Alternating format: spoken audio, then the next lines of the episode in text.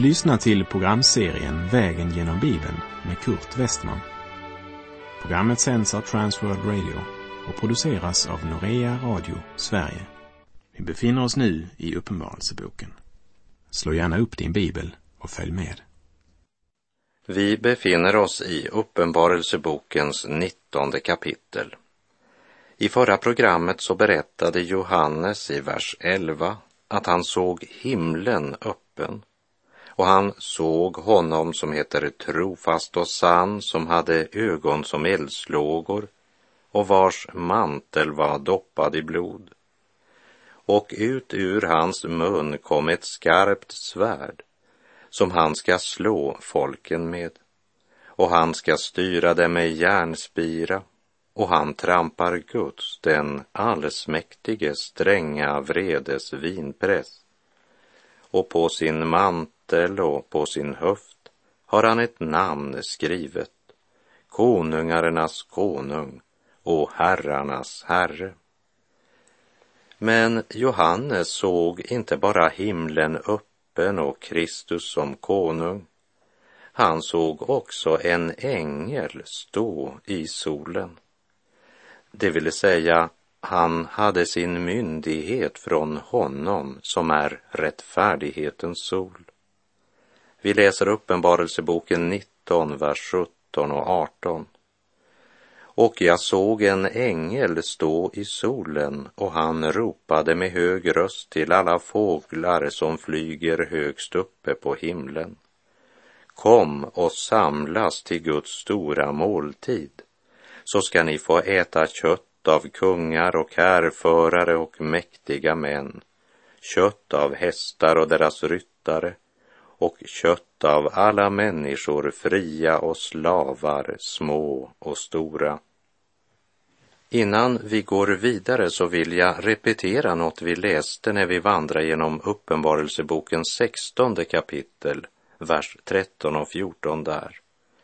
Och jag såg att det ur drakens skap och ur vilddjurets skap och ur den falske profetens mun kom ut tre orena andar som liknade paddor. Det är ondskefulla andar som gör tecken och det beger sig ut till kungarna i hela världen för att samla dem till striden på Guds den allsmäktiges, stora dag och Uppenbarelseboken 16, 16. Och det samlade dem på den plats som på hebreiska heter Harmageddon. Och nu har vi här i Uppenbarelseboken 19 från vers 17 kommit till striden vid Harmageddon och dess avslutning. Det är väl knappast något enda avsnitt i skriften som är mera revolterande och upprörande att läsa än just det här avsnittet. Och vi lägger märke till att Gud återger detta i slutet av sitt ord för att påminna oss hur frånstötande, avskyvärda och förfärliga köttets gärningar är. Mina älskade, jag uppmanar er som främlingar och gäster att hålla er borta från de kötsliga begären som för krig mot själen, skriver Petrus i sitt första brev kapitel 2, vers 11. Och i Romarbrevet 8, vers 12 och 13 säger Paulus, vi har alltså skyldigheter, bröder, men inte mot vår onda natur, så att vi ska leva efter köttet. Om ni lever efter köttet kommer ni att dö. Men om ni genom anden dödar kroppens gärningar skall ni leva. Och i slaget vid Harmageddon får vi en inblick i vilken tragisk skörd som väntar för den som valde att leva efter köttet. Stunden som blir en festmåltid för rovfåglar och gamar. Gud ska en dag döma synden i världen, också din och min synd. Därför bör vi göra gemensam sak med sångaren som sjunger. Döm mitt hjärta här i tiden innan världen döms av dig och när tiden är förliden i ditt domslut fria mig. Paulus ger oss följande information i Första Korinthierbrevet 11, vers 31 och 32. Om vi gick till rätta med oss själva skulle vi inte bli dömda. Men när vi döms fostras vi av Herren för att vi inte ska bli fördömda tillsammans med världen. Vi kan tycka att orden i Uppenbarelseboken 19, verserna 17 till 21 är grymma och fruktansvärda. Och många som läser det säger Gud är grym. Men sanningen är att det är Satan och synden som är grym. Det vi läser i Uppenbarelseboken 19 är bara konsekvensen av sanningen som Herren förkunnar oss genom Paulus i Galaterbrevet 6, vers 7 och 8. Bedra inte er själva. Gud bedrar man inte. Det människans sår skall hon också skörda. Den som sår i sitt kötts åker skall av köttet skörda undergång, men den som sår i andens åker skall av anden skörda evigt liv. Men det Satan säger, det är inte sant. Satan är en lögnare och lögnens far och därför säger han, du skall vara din egen herre. Du skall vara fri att följa dina egna begär och inte stängas in av regler och gränser. Gör dig själv lycklig. Det är bara du som kan bestämma över ditt liv. Varför är det så svårt att tro det som Jesus säger? Jo, därför att vi inte tycker om sanningen. Men mig tror ni inte därför att jag säger er sanningen, säger Jesus i Johannes 8.45. Men synden ger aldrig vad den lovar. I Herrens namn varnar jag er därför. Lev inte längre som hedningarna. Deras tankar är tomma, deras förstånd förmörkat. De är främmande för livet i Gud därför att de är okunniga och i sina hjärtan hårda som sten, säger Efeserbrevet 4, vers 17 och 18. Och Jesus säger så här i Matteus 23, vers 37.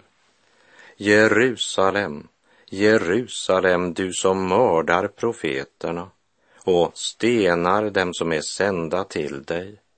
Hur ofta har jag inte velat samla dina barn så som hönan samlar sina kycklingar under vingarna, men ni ville inte. Och i Johannes 3, vers 17 och 18 så står det inte sände Gud sin son till världen för att döma världen, utan för att världen skulle bli frälst genom honom. Den som tror på honom blir inte dömd, men den som inte tror är redan dömd, eftersom han inte tror på Guds enfödde sons namn. Gud har offrat sin egen son till försoning för dina synder. Vad mer kan Gud göra? Hur kan du vänta att Gud skall höra dig när du inte ens lyssnar till dig själv? Har du mod att följa Jesus, ljuder frågan mången gång. Hör dock här en annan fråga framställd i min enkla sång. Har du mod att bliva borta när din konung kallar dig, kallar dig till evig glädje, evig salighet hos sig? Har du mod att välja döden när dig livet bjudes än? Har du mod att låta Jesus ohörd vända om igen? Har du mod att vända ryggen till Guds rikes bröllopssal och istället sorglöst vandra mot ett djup av evigt kval? Har du mod att nalkas graven utan något grundat hopp? Mod när evighetens portar snart för dig och springa upp? Har du mod att än förakta Herrens maningar och bud? Har du mod att utan Jesus träda för all världens Gud?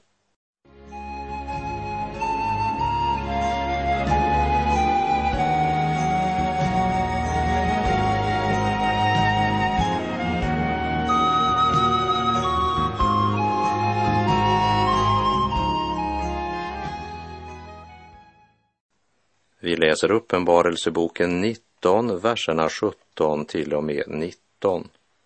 Och jag såg en ängel stå i solen och han ropade med hög röst till alla fåglar som flyger högst uppe på himlen.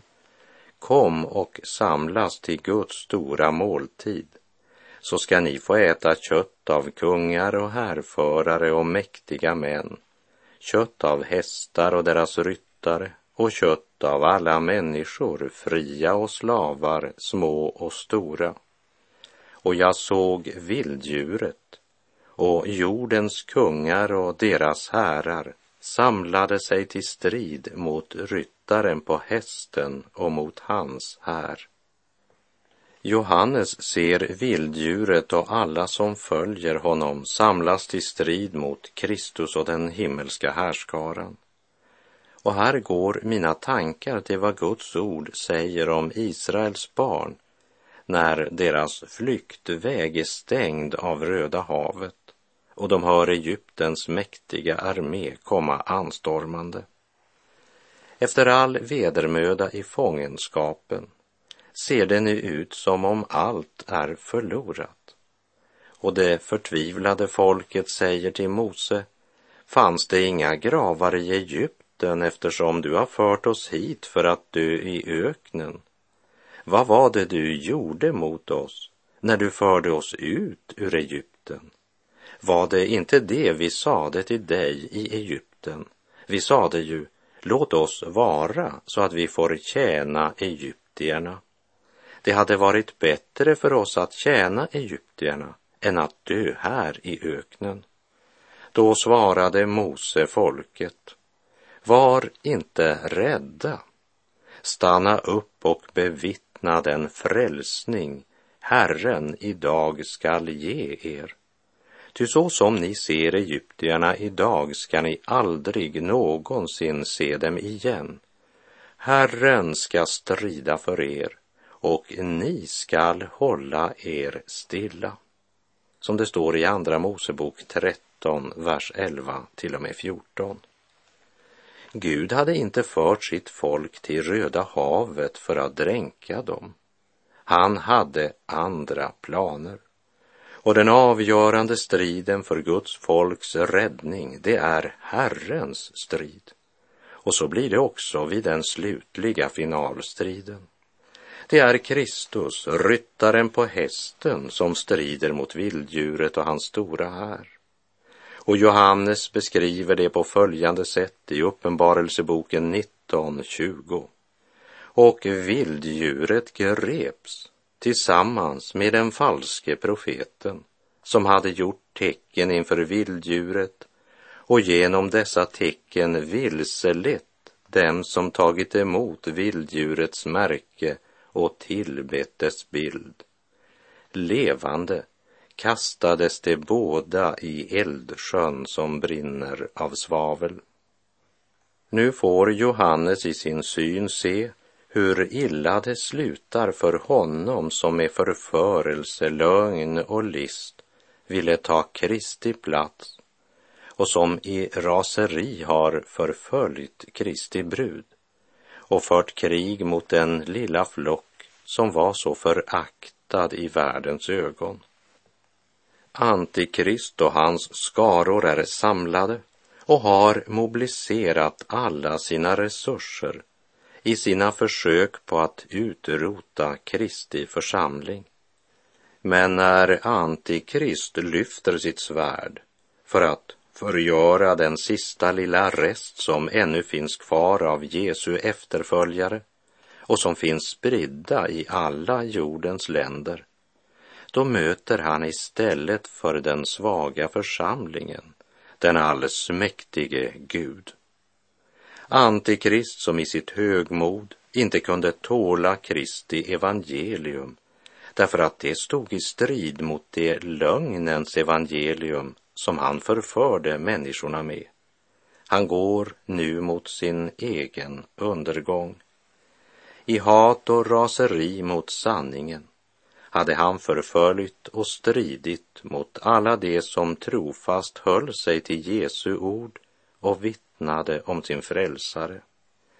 Men nu hör Johannes hur en ängel kallar alla himlens fåglar till Guds stora gästabud, ja, till den stora och förfärliga festen i mörkret utanför bröllopssalens stängda dörrar. Vilken oerhörd kontrast det är mellan mörkrets fest och ljusets fest. Bedra inte er själva. Gud bedrar man inte, det är människans sår ska hon också skörda. Nu är Satan för alltid avslöjad. Nu är alla de tecken och under som den falske profeten utförde värdelösa. Nu är det endast sanningen som gäller.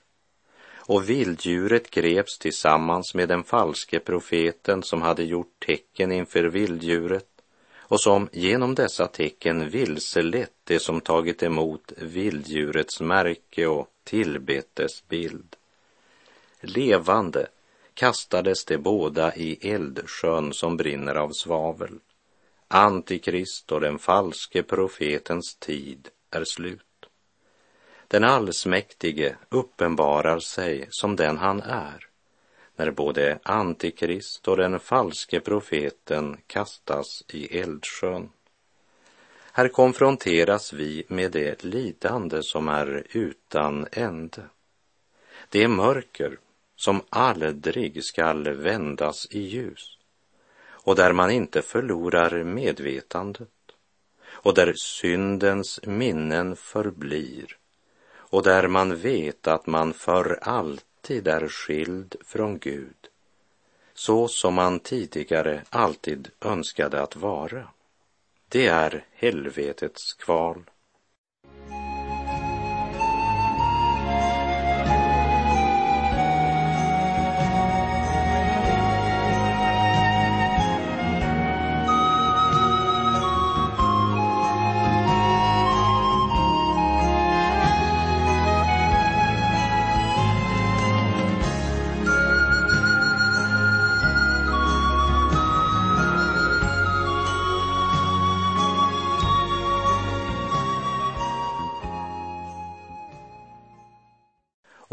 Vilddjuret greps tillsammans med den falske profeten som hade gjort tecken inför vilddjuret och genom dessa tecken vilselett dem som tagit emot vilddjurets märke och tillbett dess bild. Levande kastades de båda i eldsjön som brinner av svavel. Här ska vi lägga märke till ordet levande levande kastades de båda i eldsjön. I domen väcks allt det till liv hos de förlorade som tidigare var dött för Gud.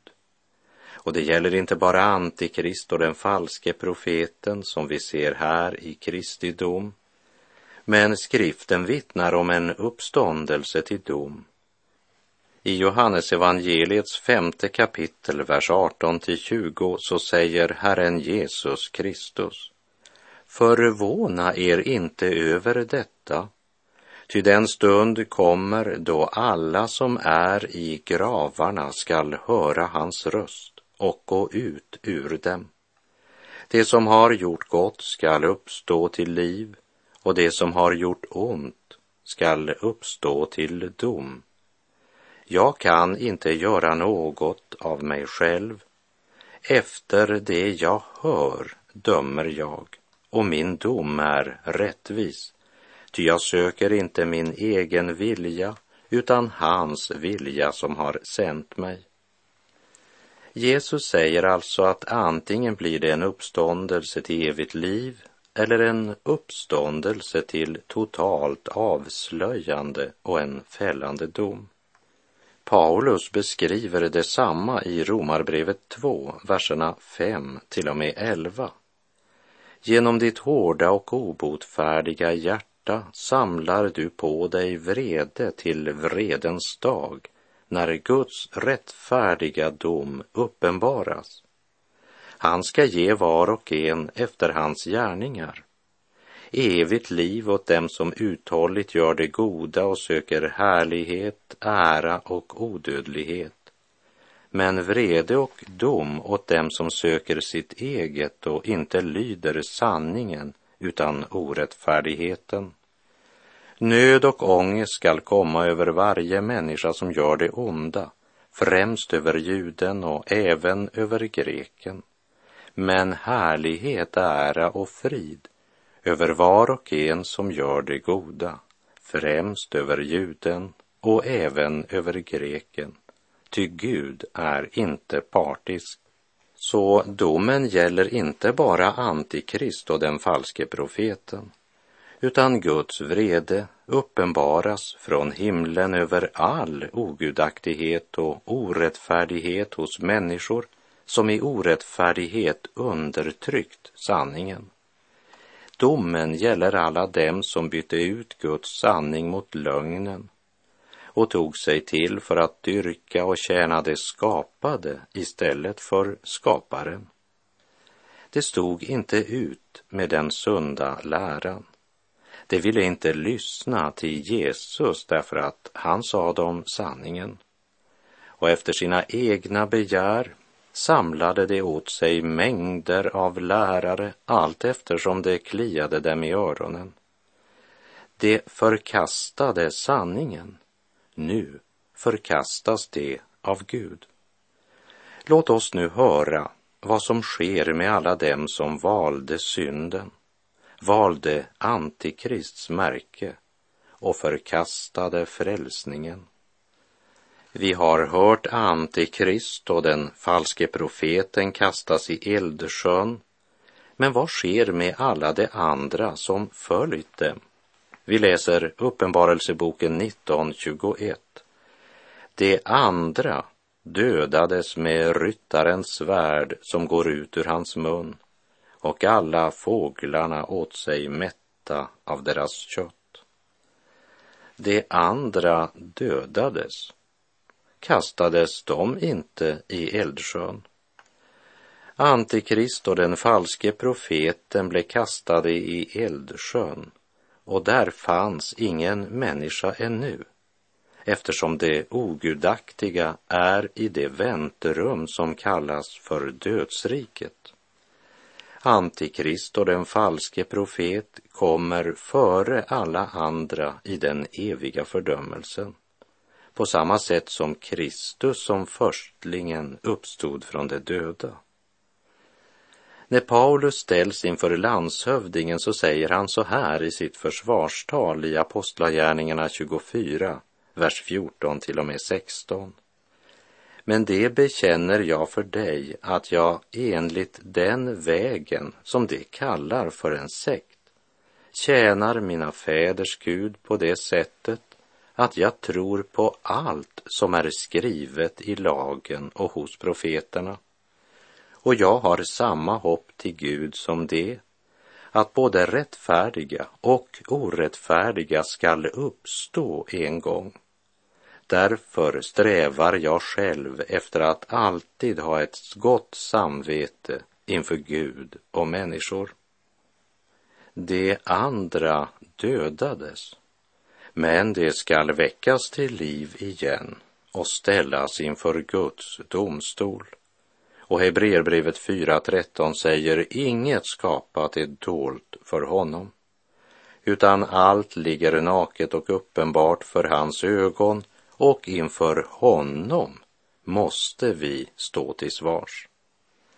Må budskapet i Uppenbarelsebokens nittonde kapitel hjälpa dig och mig att se Antikrists sanna ansikte bakom den glittrande fasaden. Se honom när han av den allsmäktige Gud kastas i eldsjön som brinner av svavel. Hör vad Herren Jesus säger i Johannes evangeliets tionde kapitel. Jag är dörren, den som går in genom mig ska bli frälst och han ska gå in och gå ut och finna bete. Tjuven kommer bara för att stjäla, slakta och döda. Jag har kommit för att det ska ha liv, ja, liv i överflöd. Jag är den gode herden. Den gode herden ger sitt liv för fåren. Vilket lamm väljer du? Lammet som triumferar här i tiden, som lovar guld och gröna skogar, vars framtoning är som en ängels, fast hans inre tillhör Satan, som gör tecken och mirakel i Jesu namn, men i Satans kraft. Eller det slaktade lammet som säger, den som inte tar sitt kors och följer efter mig är inte värd att tillhöra mig. Och som säger, detta har jag sagt till er för att ni ska ha frid i mig. I världen får ni lida. Men var inte oroliga, jag har besegrat världen.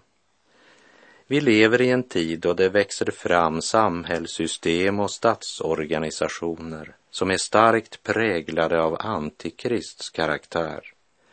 Och denna tidsålders Gud förblindar inte bara de otroende men tränger djupt in i många kristna församlingar.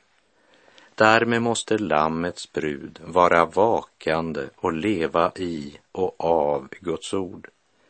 Vi lever i en tid då vi verkligen måste vara medvetna om vart vägen går och ta avstånd från Satan och alla hans gärningar. Vi måste om och om igen medvetet välja Jesus och samtidigt bereda oss på att den som väljer Jesus går mot svåra tider och kanske martyrium. I Matteus 10.28 säger Jesus, var inte rädda för dem som dödar kroppen men inte kan döda själen. Frukta istället honom som kan fördärva både själ och kropp i Gehenna. Och Johannes 16.33. Detta har jag talat till er för att ni ska ha frid i mig. I världen får ni lida, men var vid gott mod, jag har övervunnit världen. Min framtidsdag är ljus och lång, den räcker bortom tidens tvång, där Gud och Lammet sälja ser och ingen nöd ska vara mer. Ett oförgängligt arv jag har, i himlen är det i förvar. Och under prövotiden här min fader ger vad nyttigt är. Men Herre Jesus, hjälp du mig att leva mera helt för dig den lilla tid jag har igen på vägen hem till himmelen. Och med det är vår tid ute för den här gången.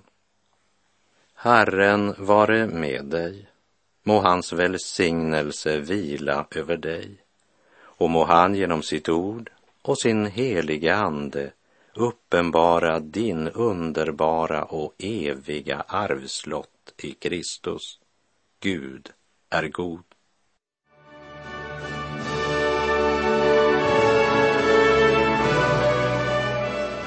Du har lyssnat till programserien Vägen genom Bibeln med Kurt Westman som sänds av Transworld Radio.